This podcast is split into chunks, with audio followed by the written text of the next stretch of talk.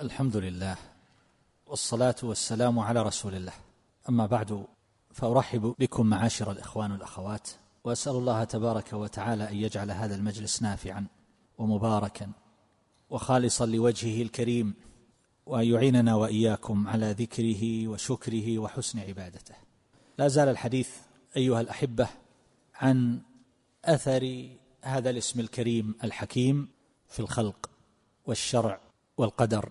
شرعنا نتحدث عن آثاره في خلق الإنسان. وبقي من الحديث بقية وهذا المجلس إن شاء الله وهو المجلس الرابع في الكلام على هذا الاسم هو المجلس الأخير الذي أختم به حديثي عن هذا الاسم العظيم. وهو استثناء في الحديث عن هذه الأسماء الحسنى إذ إن كل واحد منها سيكون الحديث عنه منحصرا في مجلس واحد. كما عودتكم. ولكن هذا الاسم رأيت أن من المصلحة والفائدة أن أبسط الحديث عنه بعض الشيء. أيها الأحبة ذكرت جملة من الأمور الشاهدة في خلقنا على حكمة الله جل جلاله في هذا الخلق. ولا بأس أن أضيف وتأملوا معي أيها الأحبة في خلق الإنسان. هذه العظام جعلها الله تبارك وتعالى قواما للبدن. لو لم تكن لكان قطعة من اللحم عاجزة عن الانتقال والحركة والتصرف والتقلب في المنافع والدفع. لا يستطيع أن يدفع عن نفسه قليلا ولا كثيرا لأنه قطعة من اللحم ملقاة لا قوة فيها ولا تستطيع أن تتنقل من مكان لآخر أو أن تتصرف في شيء من مصالحها أو تدفع شيئا من المضار عنها. لا يستطيع أن يقوم ولا يستطيع أن يعمل. ثم انظروا إلى خلقها بهذه المقادير والأشكال المختلفة فمنها الصغير ومنها الكبير ومنها الدقيق ومنها الجليل ومنها المنحني ومنها المستقيم ومنها المستدير ومنها العريض ومنها المصمت ومنها المجوف. كل واحد خلقه الله تبارك وتعالى على هيئة تتناسب مع وظيفته. فاختلفت أشكالها باختلاف منافعها. كالأضراس وهي عظام. فلما كانت آلة للطحن كانت عريضة. ولما كانت الأسنان آلة للقطع كانت دقيقة. لا تجد الناس منهم من يولد وله أضراس في الأمام وأسنان في الخلف. وإنما جعلهم الله عز وجل على هذه الهيئة. بينما تجد في الحيوان ما هو من ذوات الأنياب نظرا لحاجته وطبيعته ومنها ما له أسنان إلى غير ذلك مما هو معلوم. ولما كان الإنسان بحاجة إلى الانتقال والحركة والتصرف ببدنه وببعض أعضائه لم يجعله الله عز وجل عظما واحدا صبة واحدة. لو كان كذلك لصار متصلبا لا يستطيع أن يخطو ولا يقوم ولا يقعد أيضا ولا يأخذ ولا يعطي بل جعله عظاما متعددة. ثم انظروا إلى هذه العظام أيها الأحبة. قارن بين الأسافل والأعالي. الأطراف السفلية الأقدام. أرجل قارن ذلك بالأيدي. لما كانت الأطراف السفلية هي قوامنا لأنها تحملنا كانت قوية غليظة ولما كانت عظام الأعالي محمولة لا حاملة لم تكن بتلك المثابة في الصلابة والغلظ والثخانة. وهكذا جعل الله عز وجل بين هذه العظام مفاصل من أجل أن تتيسر الحركة. وقدر كل مفصل من هذه المفاصل على حسب حاجته والوظيفة المناطة به وشد أسرها. وربط بعضها ببعض بأوتار ورباطات تتصل بهذه العظام وتنبثق منها. وجعل في هذه المفاصل في العظم الأول نتوءات وجعل في العظم الآخر الذي يقابله تجويفا. من أجل أن يتصل هذا بهذا فلا ينفرط. ثم يتصرف الإنسان بناء على ذلك ويتحرك. وهذه التجاويف مع تلك الزوائد والنتوءات متناسبة غاية التناسب فالنتوء يقابله التجويف. لا تجد في ذلك خطا ولا خللا ولا تفاوتا. كل ذلك لأن الخالق جل جلاله حكيم.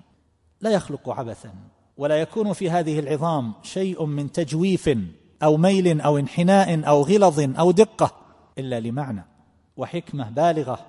فلولا أن الله تبارك وتعالى جعل لنا هذه المفاصل لم نتمكن من التحرك.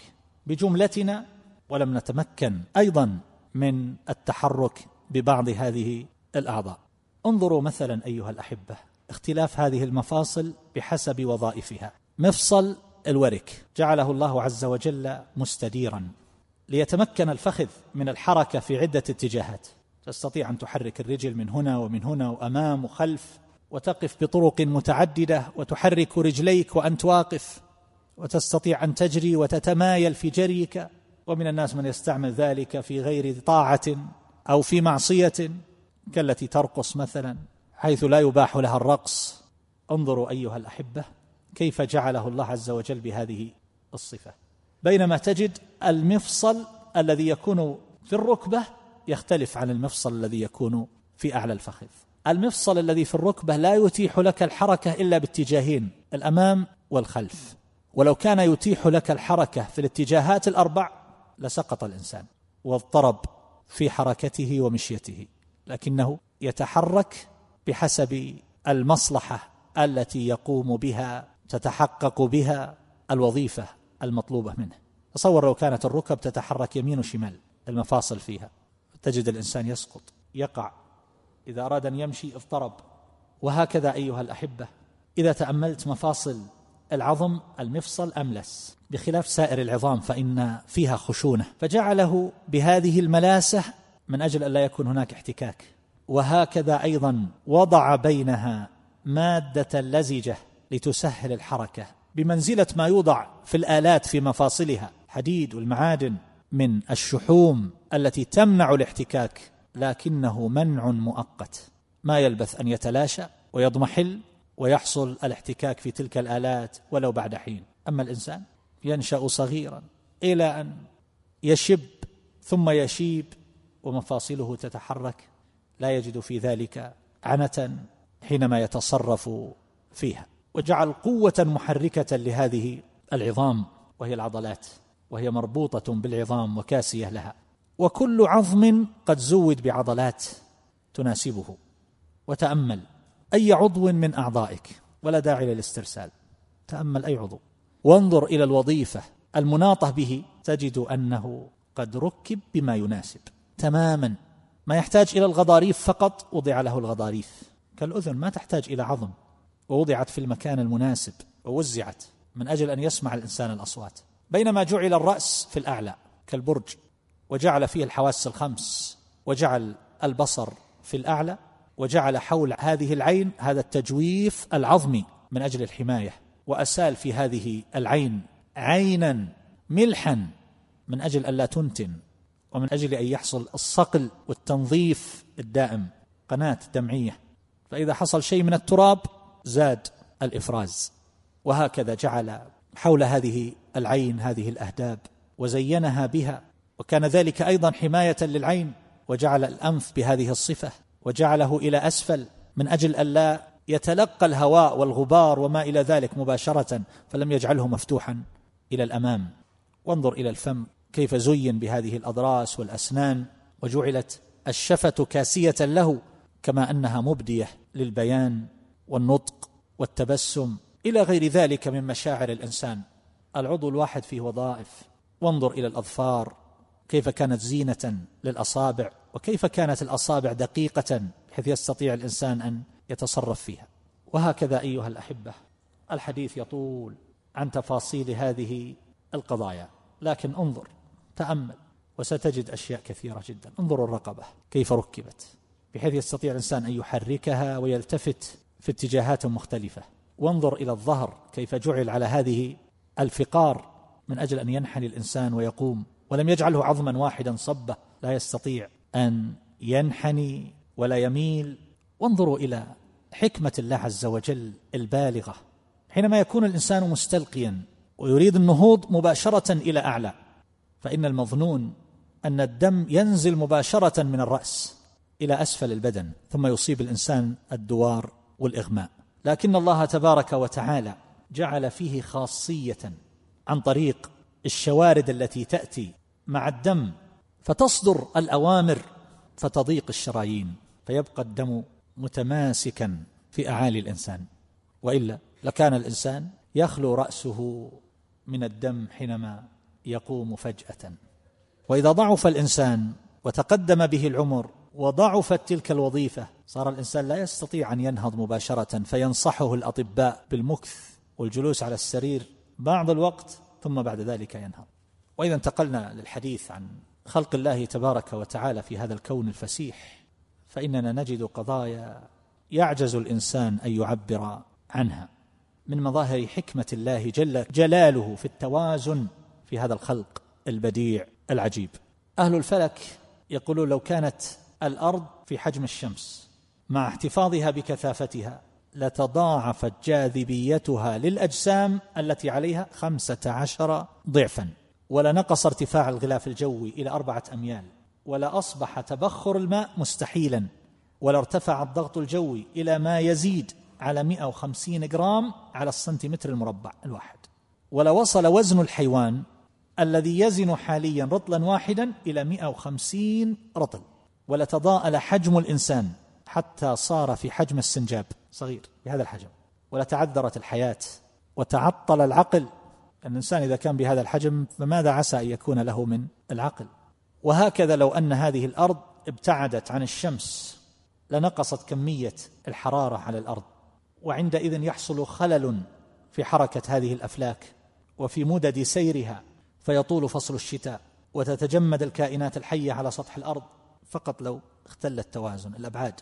وهكذا لو اقتربت الأرض من الشمس لارتفعت الحرارة وتضاعفت واختلت الفصول وصارت الحياة على وجه الأرض مستحيلة.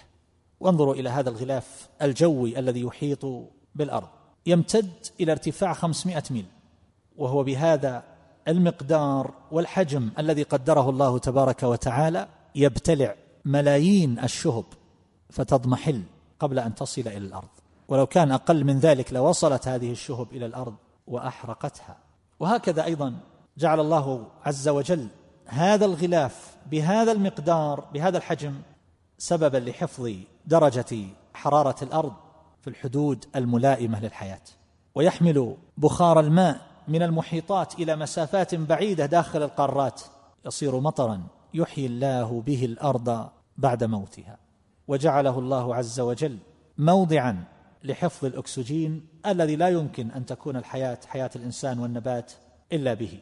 وجعل الله هذا الأكسجين مقدرا بنسبة محدودة 21 بالمئة من الهواء. يقولون لو زادت هذه النسبة إلى أربعين بالمئة مثلا لاحترقت كل المواد القابلة للاحتراق. ولما استطاع الإنسان أن يطفئ حريقا. ولو قلت هذه النسبة إلى عشرة بالمئة لانتهت الحياة. يموت الناس. ولذلك تجد الإنسان إذا ارتفع إلى أماكن شاهقة تقل نسبة الأكسجين فيحصل له شيء من ضيق النفس. وانظر إلى الماء وما جعل الله عز وجل فيه من الخواص فهو مادة الحياة. وجعلنا من الماء كل شيء حي. وجعل الله عز وجل له درجة ذوبان مرتفعة ويكون سائلا لمدة طويلة وله درجة حرارة له حرارة تصعيد بالغة في الارتفاع. وهو يساعد على بقاء درجة الحرارة فوق سطح الأرض عند معدل ثابت كما يقول المختصون بذلك. ولولا أن الله عز وجل هيأه وجعله سببا لذلك لما كانت الأرض صالحة للحياة. وإذا نظرت في تصميم هذا الماء وتركيبه وطبيعته التي أودعها الله عز وجل فيه حيث جعل هذا الماء فيه خاصية هو المادة الوحيدة كما يقولون المعروفة التي تقل كثافتها عندما تتجمد. الاشياء الاخرى إذا تجمدت زادت كثافتها. الماء تقل كثافته ولهذا يطفو إلى الأعلى. المتوقع المظنون بادئ الرأي أن الماء إذا تجمد فإنه يثقل فينزل. لكن الله جعل في هذه الخاصية من أجل أن يطفو فيكون في الأعلى. فإذا وقع الجليد في الأماكن الباردة فإن هذه الطبقة تكون في الأعلى في البحار. وكما تشاهدون في بعض البلاد الناس يتزلجون عليها ولربما نقروا فيها وصاروا يصطادون السمك من تحتها يمشون على البحر. لو كان من طبيعته أنه يزداد في وزنه إذا تجمد لنزل الثلج والجليد إلى قعر البحار. ثم بعد ذلك قضى على الحياة حياة النبات والحيوان ولم يستطع الحيوان أن يعيش في داخله. لكن جعله في الأعلى كالقشرة يطفو وتحته عالم من الحيوانات السارحة التي تنتقل وتتصرف وتتكاثر وتتوالد هذا من حكمة الله تبارك وتعالى. وهكذا أيها الأحبة لو نظر الإنسان إلى التربة يجد أنها بيئة ثابتة لحياة كثير من الكائنات فهي تحتوي على العناصر التي يمتصها النبات ثم تتحول إلى ألوان من الثمار ذات الطعوم المختلفة. تضع الحبة فتخرج لك شجرة ذات ثمر. من أين تأخذ مثل هذا الغذاء؟ من أين تأخذ هذا النمو؟ من أين؟ وهي حبة. جعل الله في هذه التربة هذه الخواص. وهكذا أيضا جعل فيها اودع فيها ألوان المعادن وجعلها قريبة في متناول الإنسان. لا يحتاج إلى أن يصل إلى ما تحت القشرة الأرضية إنما يحفر شيئا يسيرا في المناجم أو في الجبال ثم يستخرج ألوان المعادن التي يتخذ منها حليته وآلته ويحصل منها ألوان المصنوعات والمنافع من المراكب والاثاث والمساكن كل ذلك مشتق في أصله من التربة كما نشاهد. هذا البناء من أين جاء؟ في أصله. الأحجار الحديد المعادن التي تزينه. أصل ذلك مشتق من الأرض. مأخوذ هذه المعادن مأخوذة من الأرض مما أودع الله عز وجل فيها. وبهذا تقوم الحضارة المادية ويحصل العمران وتأتلف المصالح والمنافع لبني الإنسان ويجد فيها أسباب القوة وجعلها ممهدة مفروشة للإنسان. والأرض فرشناها فنعم الماهدون. لو كانت قشرة الأرض أسمك مما هي عليه بمقدار بضعة أقدام يقولون لامتص ثاني أكسيد الكربون الأكسجين ولما بقيت الحياة. الشمس لو أعطت نصف الإشعاع الموجود حاليا لتجمدنا ولو زادت النصف لاحترقنا.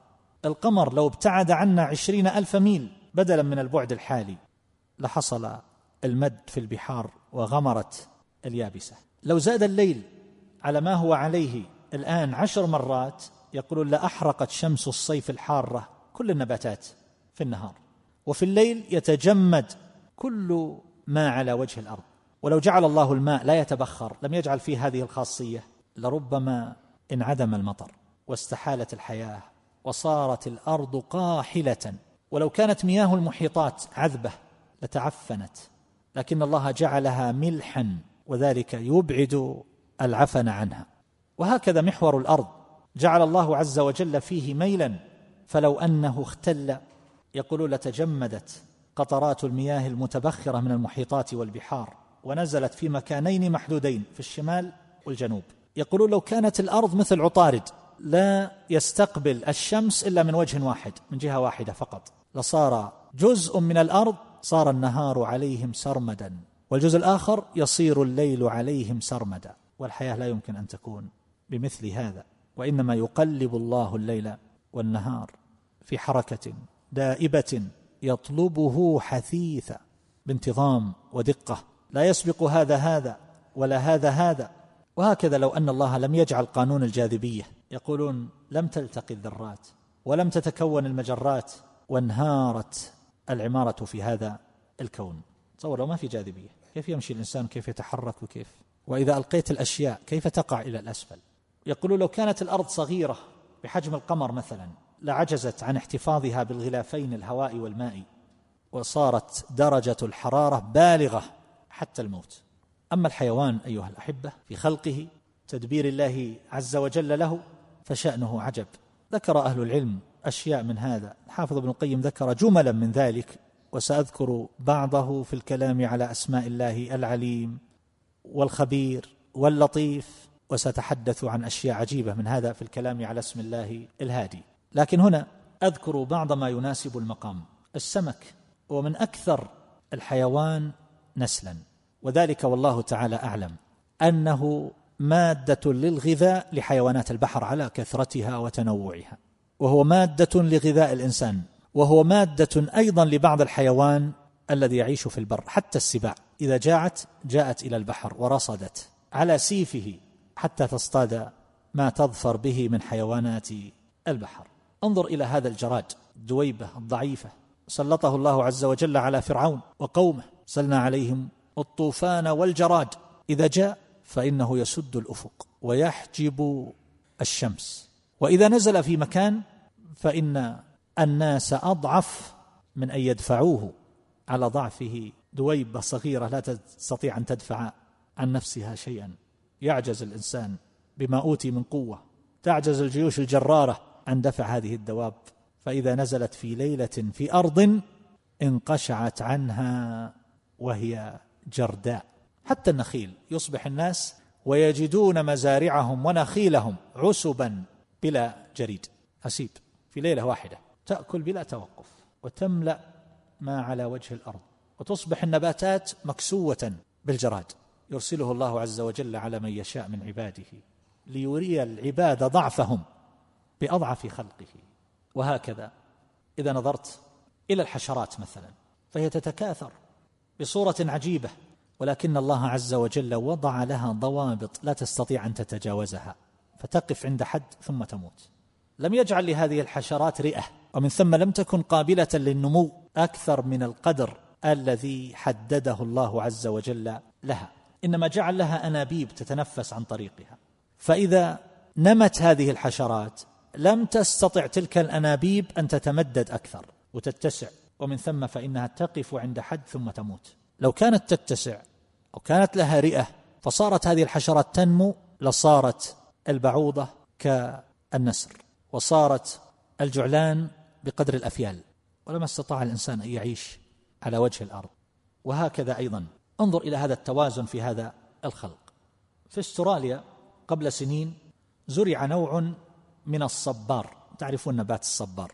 كسياج وقائي. فصار هذا الصبار ينتشر بطريقة سريعة عجيبة. حتى غطى مساحة تقرب من مساحة إنجلترا وزاحم الناس وأتلف مزارعهم ولم يجد الناس وسيلة إلى صد هذا الجيش الكاسح من النبات. ما هو جراد؟ الآن نبات. فهو يغزوهم ويمتد على أراضيهم بصمت فطاف علماء الحشرات في العالم. يبحثون عن حشرة تقاومه فوجدوا حشرة ما تعيش إلا على الصبار. لا يريدون أن يأتوا بحشرة تكاثر فتأكل باقي النباتات فيجتمع الصبار مع حشرات. لا وجدوا حشرة تقاوم الصبار فقط تأكل الصبار تتغذى عليه فأتوا بها وهي سريعة الانتشار أيضا. فتغلبت عليه فلما بقيت منه بقية محدودة تلاشت وتراجعت هذه الحشرة فلم يبق منها إلا القليل. حكمة الله عز وجل في هذه المخلوقات. وانظروا إلى هذا المثل أو المثال العجيب أيضا. في بعض الجهات الجنوبية الغربية من الولايات المتحدة كان يعيش نوع من الأيل يقال له أيل البعل يتغذى على نوع من الورد البري. وكان في تلك الناحية أسد الجبل الذي يتغذى على هذا الأيل. فكانت نسبة هذه الأسود متناسبة مع نسبة هذا الأيل. فتدخل الإنسان. قاموا بقتل كثير من تلك الأسود. فما الذي حصل؟ تكاثر ذلك النوع من الأيل جدا. ثم لم يجد ما يأكله من تلك الورود. أفناها وأكلها. ثم بعد ذلك صار يأكل تحول إلى بعض الأشجار الصغيرة حتى أفناها. ثم بعد ذلك مات بكميات كبيرة حتف انفه من الجوع. فالسابق ما كان يموت. كانت تأكله تلك الأسود. وبقيت المعادلة متناسبة. ولكن لما اختلت حصل هذا الموت الجماعي لهذا النوع من الحيوان. وهكذا انظر إلى حال هذه الحيوانات. الحيوانات المفترسة. تجد الفم تتشكل فيه الأنياب والأرجل قد زودت بعضلات قوية ومخالب حادة من أجل الهجوم وهي مستعدة للجري. وأما المعدة ففيها أحماض ومواد هاضمة للحوم. ما توجد في الكرش مثلا الذي يكون للحيوان الذي يتغذى على النبات. الحيوانات التي تأكل في المرعى صممت بما يتناسب مع حالها. الفم واسع نسبيا ليس فيها أنياب كالسباع إنما أسنان للقطع لأنها تأكل النباتات والحشائش. فتنزل إلى جهاز الهضم تنزل إلى الكرش مستودع. من أجل أن لا يبقى هذه الحشائش تحتاج إلى وقت تتخمر ويفرز عليها بعض المواد من أجل أن يسهل هضمها. والحيوان يحتاج إلى وقت في هذه العملية فيتعطل عن المرعى. لكن الله عز وجل قد هيأه يذهب ويلتهم من هذه النباتات. ثم ما الذي يحصل؟ إذا رجع هذا الكرش هو عبارة عن مخزن. فإذا رجع إلى موضعه بعد الرعي صار يجتر ما أكله في النهار فيلوكه ثانية حتى يصير مهيئا صالحا للهضم. انظر كيف الله عز وجل قد جعلها بهذه المثابة. تخرج إلى المرعى تسرح وتأكل أكبر قدر تستطيعه ثم تتفرغ له في المساء فتعيده ثانية. فهذا كله من حكمة الله تبارك وتعالى. يقولون لأن الأعشاب من النباتات عسرة الهضم لأنها تحتوي على ألياف وتحتاج إلى مضغ شديد وهذا سيتطلب وقتا طويلا. تفوت مصلحة الراعي يمضي النهار وهي لم تأكل شيئا يذكر. وانظر إلى أرجلها. أرجل هذه الحيوانات التي تكون مهيئة للجري تجد قوائمها دقيقة الغزال مثلا. والتي قد هيئت للحمل تجد لها حوافر قوية وقوائم قوية. بغاية الصلابة البقر الجاموس قوائمها قصيرة غليظة لها أظلاف. بغاية الصلابة مشقوقة. لتساعدها على السير في الأراضي الزراعية تجر المحراث ونحو ذلك. بينما تجد الجمل لأنه يسير في الرمال لم تجعل له هذه الحوافر لئلا تغوص أقدامه فيصعب عليه الحركة والمشي وإنما جعل له الخف وجعلت تحته وسادة لينة من التي يقال لها أسفل الخف الجلد واللحم فلا يغوص في الرمال وجعلت لهذه الأطراف أربطة قوية مشدودة. من جلد خشن تحميه من الحصى والرمال عندما يبرك. وانظر إلى الطيور أيضا التي تتغذى على اللحوم الصقور والنسور إلى آخره تجد لها مخالب حادة منحنية تساعد على القبض على الفريسة. أما التي تتغذى على الحبوب كالدجاج مثلا حمام فأقدامها لها أظافر مدببة تصلح للنبش في الأرض لا لصيد الفرائس. الطيور التي تحتاج إلى البحث في الماء عن غذائها جعلت لها أغشية بين الأصابع من أجل أن تطفو كالجدافات وهذا لا يكون لغيرها مما لا يعيش أو لا يزاول عمله في الماء. وهكذا أيضا تجد الحيوانات الثدية لها حاسة شم قوية جدا لأنها تعرف غذاءها وطعامها وشرابها عن طريق حاسة الشم. أما البصر فلا يوازي الشم. وجرب هذا. الآن الذين يصيدون يعرفون الصيد.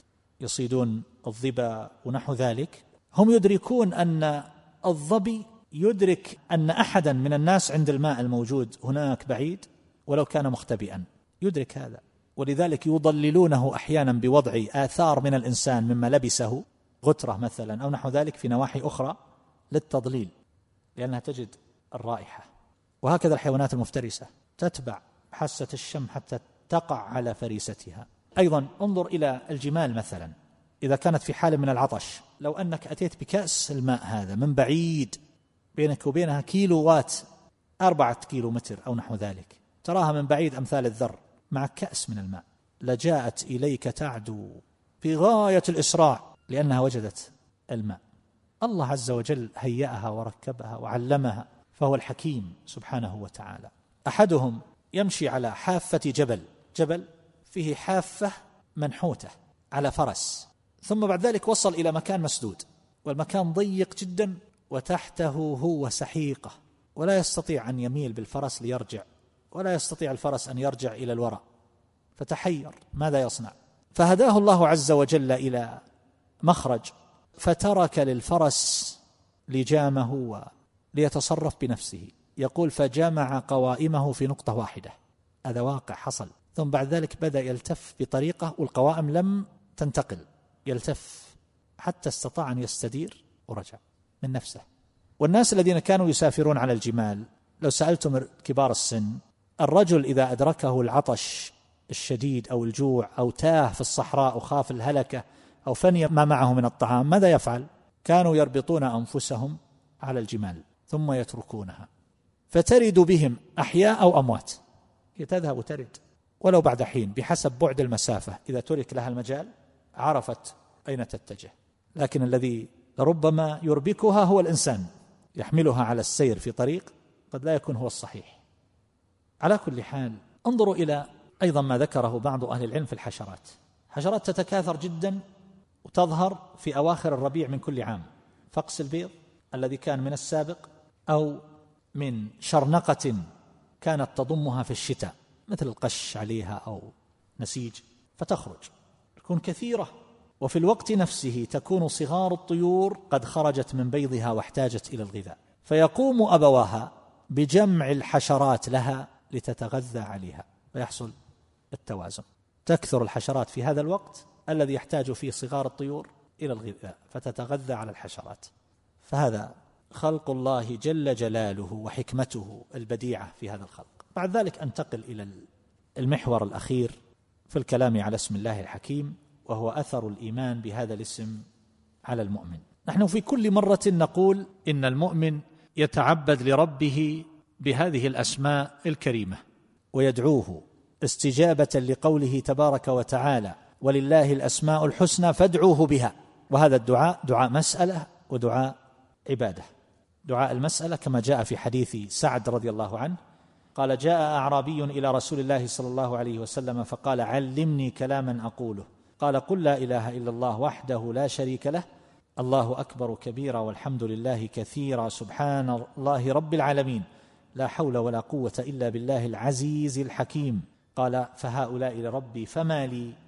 قال قل اللهم اغفر لي وارحمني واهدني وارزقني. أما دعاء العبادة فيدخل تحته تفاصيل كثيرة. عبادة القلب واللسان والجوارح ولو أردنا أن نقسم هذا بحسب متعلقات الحكمة. إذا شهد العبد حكمة الرب جل جلاله في الخلق والصنع فإن ذلك يثمر محبته وإجلاله وتعظيمه. هذه الأشياء الأمثلة التي ذكرناها قبل قليل. ما الذي يحصل بالنسبة إلينا إذا عرفنا هذه الأشياء؟ هذا الخلق بعد الشمس وبعد القمر وحجم الشمس والهواء والأكسجين إلى آخره. هذا التوازن العجيب. هذه الأرض التي هيأها الله لمصالح الإنسان. يثمر محبة الله تعظيم الله إجلاله وأن يستعمل الإنسان هذه النعم سواء كان ذلك في بدنه أو كان فيما حوله بما أعده الله عز وجل له. فلا يتخذ ذلك سبيلا إلى الإفساد في الأرض. ومعصية الله جل جلاله. والله يقول ظهر الفساد في البر والبحر بما كسبت أيدي الناس. وهذا الفساد يشمل الذنوب والمعاصي ويشمل أيضا ما يحصل من النقص والتلف والتغيرات التي تضر بعافية الإنسان والحيوان بسبب ما كسبت أيدي الناس بسبب تصرفاتهم ومزاولاتهم الخاطئة وبسبب ذنوبهم أيضا. وهكذا أيها الأحبة إذا شهد العبد آثار هذه الحكمة في التشريع والأمر والنهي الديني هذه الشريعة التي جاءت لحفظ مصالح الإنسان المتنوعة الضروريات الدين والنفس والعقل والعرض والمال شرع الله له ما يحفظ هذه المصالح من جانب الوجود بإقامة أركانها ودعائمها ومن جانب العدم بحفظها من كل ما يعتورها ويؤثر عليها بنقص أو تلف. وانظروا إلى الحدود جميعا. كلها جاءت لحفظ الضروريات من جانب العدم. يعتدي على الدين. من بدل دينه فاقتلوه. حد المرتد. الذي يعتدي على النفوس القصاص. الذي يعتدي على العقول حد المسكر. وقل مثل ذلك في من يعتدي على المال تقطع يده. السرقة. ثم يلي ذلك الحاجيات. وهي سياج على الضرورات. وهي ما لو عدم للحق الناس الحرج. وأما الضروريات فلو عدمت لصارت حياة الناس في تهارج. ثم التحسينيات. وهي ما يقيم للناس مروءاتهم وكرامتهم. ويحفظ ماء وجوههم. ويحملهم على الأليق والأرفع والأشرف والأحسن والأجمل على مكارم الأخلاق. وعلى أحسن الأحوال. انظر ما يتصل بالأعراض مثلا. الذي يواقع الفجور يقام عليه الحد. الذي يتهم المحصنات في أعراضهن مثلا أو المحصنين يقام عليه الحد. تبقى الأعراض مصونة. وجعل تصريف هذه الغرائز التي أودعها في الإنسان لبقاء النسل بطريق مشروع النكاح. وجعل هذا النكاح بطريقة تحفظ للمرأة ماء وجهها وكرامتها بحيث لا تبدو أنها متطلعة للرجال فيلي ذلك نيابة عنها وليها وتبقى في حفظ وصيانة بعيدا عما يخدش وتعطى المهر كما يكون ذلك في مقابل ما استحل من بضعها وينفق عليها لزوما وقبل ذلك ينفق عليها وليها من أب أو أخ أو نحو ذلك فلا تضيع. وإذا طلقها فإنه يعطيها متعة جبرا لخاطرها بحسب ما هو فيه من حال غنى أو فقر وأمر بالمعاشرة بالمعروف. إلى آخر ذلك إذا نظرت إلى جانب واحد فإنك تستغرق أوقاتا في توصيفه. هذه الأمور إذا نظر إليها الإنسان واعتبر فإنه يحب الله ويعظمه ويعظم شرعه ولا يعترض على شيء من ذلك وإن خفيت عليه حكمته. بل يسلم. لماذا؟ لأنه يطمئن أن الله حكيم الذي شرع وقال للمرأة بأن قوامتها تكون للرجل وأن الرجل هو الذي يصونها ويحوطها ويحفظها ويكلأها ويرعاها ويحميها. اللي أمر بهذا حكيم لأن ذلك يصونها لأن هذا هو الطريق للحفظ والصيانة والعفاف. نهاها أن تسافر من غير محرم نهاها عن الخلوة نهاها عن الاختلاط بالرجال. كل هذا من أجل حفظ المرأة وصيانة المرأة. فالشارع حكيم. لا أحد يعترض. ويقول لماذا؟ لماذا الرجل يتزوج أربع والمرأة ما تتزوج أربع؟ سؤال بارد. لأن الشارع حكيم. وهكذا أيضا. لماذا لا تكون القوامة للمرأة على الرجل؟ من أجل أن لا يحصل خراب العمران والبوار والدمار على جنس البشرية. وهكذا أيها الأحبة. فالله حكيم. وإذا خفيت على الإنسان الحكمة فإنه يذعن ويسلم. وما كان لمؤمن ولا مؤمنة إذا قضى الله ورسوله أمرا أن يكون لهم الخيرة من أمرهم. فلا وربك لا يؤمنون حتى يحكموك فيما شجر بينهم. ثم لا يجدوا في أنفسهم حرجا مما قضيت ويسلموا تسليما. ولهذا تجد كثيرا من الأحكام تختم بهذا الاسم الكريم. وغالبا ما يكون مقرونا مع العلم. يوصيكم الله في أولادكم للذكر مثل حظ الأنثيين. فإن كن نساء إلى أن قال فريضة من الله. إن الله كان عليما حكيما. لما قال المرأة لها نصف الميراث عن علم وحكمة. لماذا؟ نقول مما يبدو لنا من هذا العلم وهذه الحكمة. المرأة هي آخذة دائما والرجل يدفع دائما. فهل من العدل أن يسوى بين هذا وهذا؟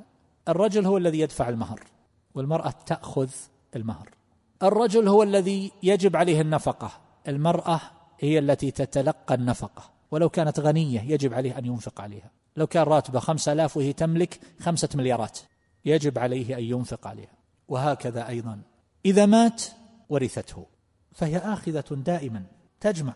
وليس عليها مسؤوليات كالرجل. الرجل يحتاج أن يجمع من أجل أن يتزوج يدفع المهر. ويحتاج من أجل النفقة ويراعي ويحاسب. فهو يبذل والمرأة تأخذ. فهل من العدل أن يسوى بين هذا وهذا؟ ابدا. إن الله كان عليما حكيما. وهكذا في قوله والمحصنات من النساء في المحرمات من النساء لما ذكر المحصنات حرمت عليكم أمهاتكم إلى آخره ثم قال والمحصنات يعني ما حرم عليكم ذوات الأزواج.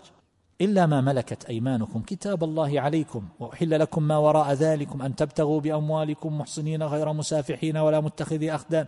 إلى أن قال إن الله كان عليما حكيما.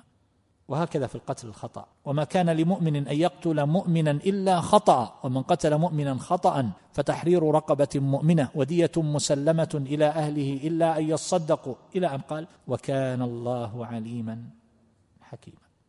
وهكذا في الشقاق بين الزوجين وسوء العلاقة والطلاق وإن يتفرقا يغني الله كلا من سعته. وكان الله واسعا حكيما. ما تضيع المرأة إذا طلقت؟ الرزق بيد الله عز وجل. بيده خزائن السماوات والأرض. ليرزق الحيتان في وسط البحر. يعلم مكانها ويرزقها. وهكذا قد فرض الله لكم تحلة أيمانكم. والله مولاكم وهو العليم الحكيم. تختم هذه الآيات بهذه الأسماء لمعنى. فشرعه تبارك وتعالى مبني على الحكمة. فيجب أن يقابل بالرضا والتسليم الكامل. ولهذا يقول يذكر الحافظ ابن القيم هذا المعنى ويشرحه ويبين أن مبنى العبودية والإيمان بالله وكتبه ورسله على التسليم وعدم الأسئلة عن تفاصيل الحكمة في الأوامر والنواهي والشرائع. كل شيء يريد أن يعرف ليه؟ سوء أدب مع الله عز وجل. كل قضية يريد أن يعرف لماذا؟ فأين التسليم؟ وأين الثقة بالله جل جلاله؟ لهذا يذكر ابن القيم رحمه الله بأن الله لم يحكي لنا عن نبي من الأنبياء وأن أمة صدقته وآمنت به أنها سألته عن تفاصيل الحكمة في كل ما أمرها. كل ما قال لهم شيء قالوا ليه؟ شو السبب؟ لازم نعرف. هذا إنما يوجه السؤال فيه لمن لا يوثق به. تخشى أنه مخطئ أنه غلطان أن القرار في غير محله أنه حصل سهو أنه حصل حسابات غير صحيحة. أما الله تبارك وتعالى فهو عليم حكيم. ولو فعلت ذلك صارت تنقر في كل قضية تقف. ما الحكمة في هذا؟ لماذا؟ لم تكن مؤمنة. وإنما أذعنوا وسلموا. فما عرف من الحكمة أخذ. وما لم يعرف فلا يتوقف الإنسان في الاستسلام والانقياد بل ينقاد ويرضى ويسلم. ولا يتوقف ذلك على معرفته تفاصيل الحكم في كل الأشياء. كانت تلك الأمم من أهل الإيمان الذين قص الله قصصهم. هم في غاية الاستجابة والتسليم والرضا والإذعان وينقل من الإنجيل. يا بني إسرائيل لا تقولوا لما أمر ربنا ولكن قولوا بما أمر ربنا. لا تقل لماذا؟ قل بماذا أمر بس علشان من أجل أن نعمل ونمتثل ونطبق. وهذه الأمة هي أكمل الأمم عقولا ومعارف. ولم تسأل نبيها صلى الله عليه وسلم عن تفاصيل الحكم. هل رأيتم الصحابة رضي الله عنهم يقفون في كل قضية ويقول لماذا يا رسول الله هذا؟ وإنما استسلموا وآمنوا وانقادوا وأوجب لهم ذلك تعظيم الله جل جلاله التعظيم اللائق. وهذا لا يمكن إلا بتعظيم أمره وشرعه فعلى قدر تعظيم العبد لله سبحانه وتعالى يكون تعظيمه لتشريعه ودينه وأمره ونهيه. وإذا ضعف تعظيم الله عز وجل ضعف تعظيم الأمر. حينما يصدر الآن الأمر من أعلى سلطة يكون له من المهابة والمنزلة ما لا يكون حينما يصدر من سلطة لا يعتبرها من وجه ذلك إليه. وقد ذكر الحافظ ابن القيم رحمه الله أن أول مراتب تعظيم الأمر التصديق به ثم العزم الجازم على امتثاله ثم المسارعة إليه والمبادرة به ثم بذل الجهد والنصح في الإتيان به على أكمل الوجوه ثم فعله لكونه مأمورا به بحيث يتوقف الإنسان يعني الذي يتوقف من أجل أن يعرف الحكمة لا يكون معظما على الحقيقة. إن ظهرت له امتثل وإن خفيت عليه عطله. فهذا يقول من عدم عظمته في صدره بل يسلم لأمر الله وحكمته ممتثلا ما أمره به. ظهرت الحكمة أو لم تظهر؟ وأيضا مما يورثه شهود آثار الحكمة في الأقدار الرضا بالقضاء والتسليم والإذعان لما يجريه الله عز وجل على الإنسان من الأقدار ولو كانت مؤلمة. ولا يعترض ولا يقول لماذا يا رب؟ ولا يصدر منه ما ينبئ عن سوء ظن بربه لماذا كان فقيرا؟ أو لماذا ابتلاه بهذا المرض؟ أو لماذا ابتلى أولاده بكذا؟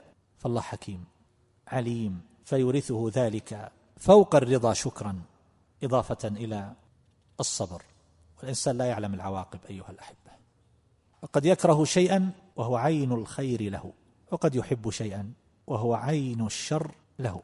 فإذا كان الإنسان يعترف أن نظره قصير وأن علمه محدود وأنه لا يعلم إلا شيئا قليلا يسيرا مما حوله والله علمه محيط بكل شيء ولا يقضي قضاء إلا كان خيرا للمؤمن. فإنه يرضى لأن الله اختار له ذلك عن علم به وعن حكمة يضع الأمور في مواضعها ويوقعها في مواقعها. تصور لو أنك كنت في مكان في الأرض مثال في الأشياء المحسوسة هبت رياح هب غبار تظن أن الكون بهذه الطريقة. بينما لو أحد يمشي يسير بطائرة من أعلى ربما يجد أن هذا الغبار وهذه العواصف هي فقط في محيط قليل قصير الذي أنت فيه.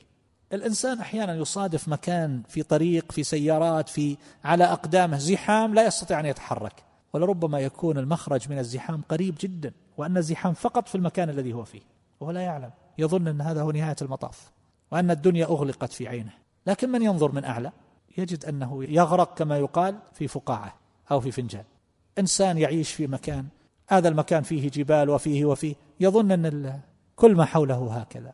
لكن الذي ينظر من أعلى أو يمر بطائرة من مكان مرتفع جدا أو ينظر إلى الكرة الأرضية من الآن ما تيسر للناس النظر إليه عن طريق جوجل مثلا أو يرى هذا النقطة التي لا تظهر في الخريطة اللي يعيش فيها بينما ما حولها أشياء تختلف. هنا سهول وهنا بحار وهنا وهو لا يعرف إلا هذه البيئة التي نشأ فيها وفتح عينيه على هذه التضاريس. إنسان نظره محدود. فكيف بما هو فوق ذلك؟ مما يجريه الله من الأقدار ويحصل للإنسان وينوبه؟ لا نعرف. مصالحنا. والله تبارك وتعالى أعلم منا. فكل ما ساقه إليك حتى تستريح ونستريح أيها الأحبة تذكر هذا المعنى. أنه ما ساقه إليك إلا وهو يعلم. اختاره لك وهو حكيم في هذا الاختيار. ولهذا كما قلت لكم في مناسبة سابقة أن أولئك الذين لربما يتبرمون من حالهم أو من مصيبة وقعت بهم أو أظلمت الدنيا في أعينهم وجه لهم بالعادة سؤال يسير قصير. هل تظن أن اختيارك خير من اختيار الله لك. كلهم يجيب لا حاشا وكلا. طيب إذا لماذا لم ترضى؟ والله قد اختار لك هذا. ارضى به. الله تبارك وتعالى عليم حكيم. وبهذا أيضا يستريح الإنسان من كثير من المشكلات. الحسد والغل والشحناء وإلى آخره. هذا غني وهذا فقير. هذا يحسد هذا. هذا أعطاه الله عز وجل عقلا وهذا لم يعطه عقلا. هذا أعطاه علما وهذا لم يعطه علما. فهذا يحسد هذا أحيانا. فهذا علم أن الله هو الذي قدر هذه الأمور وقلب الخلق فيها ليبتليهم بما أعطاهم ولا يحاسبهم بأكثر مما أعطاهم. فإنه يرضى ويسلم ويستريح قلبه من هذه الخواطر والأمور التي تعتلج فيه. لماذا أنا أعيش في حرمان؟ لماذا أنا لا أستطيع أن أدخر شيئا أجد منه ما يكفي لسكن دار أو بنائها أو نحو ذلك؟ وآخرون لربما بمكالمة واحدة تأتيه الملايين. يقول الله عز وجل عليم حكيم. يعلم مكانك وقدر لك ما قدره عن علم تام وحكمة تامة. فهل عندك اختيار أفضل من اختيار الله عز وجل لك؟ جواب لا. اذا ما عليك إلا أن ترضى وتسلم. ولا تنظر إلى زيد وعمر. لماذا هم أفضل مني؟ وفلان يعيش في قصر وأنا أعيش في شقة. وفلان كذا وفلان كذا وفلان معافى وفلان زوجته أفضل من زوجتي وفلان. دعك من فلان وعلان. اشتغل بما أنت بصدده من عبادة الله عز وجل. والله يبتليك ليرى عبودية الرضا. وأنت مشغول عنها بزيد وعمر. هذا غفلة وخروج عن المقصود. لكننا في كثير من الأحيان أيها الأحبة لا نفكر بطريقة صحيحة. نفكر لكن في الطريق غير الصحيح. يشغل الإنسان تفكيره في أمور تعود عليه بالألم. وحسرات لكن لو وجه تفكيره إلى ما ينفعه. يعني حتى في الأشياء العادية أحيانا التفكير في المشكلة بطريقة سلبية هذا خروج عن الموضوع. التفكير بالمشكلات لحلها هذا جيد لكن بعض الناس لا يفكرها ليجتر المشكلة. مثل ما ذكرت لكم عن البهيمة التي تجتر الطعام من أجل أن تهضمه. فهذا يجتر الآلام والمصائب والمشكلات ليعود على نفسه بالكآبة فيكتئب. وكل ما سلى ونسي بدأ يعاود التفكير ليستعيد شريط الذكريات المؤلمة فتتنغص عليه حياته ويتكدر عيشه وتنقلب راحته ولذته وسروره إلى آلام وأحزان. هذا خطأ والله المستعان والحياة قصيرة جدا.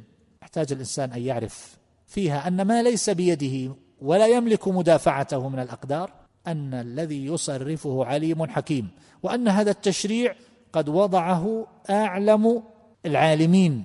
وأحكم الحكماء. فما عليك إلا أن تعمل به وتترك الأقدار التي لا تستطيع أن تدافعها تترك ذلك وتسلم وترضى ويرى الله جل جلاله منك السرور بمعرفته والإقبال على طاعته. هذا والله تعالى أعلم. وصلى الله على نبينا محمد وآله وصحبه.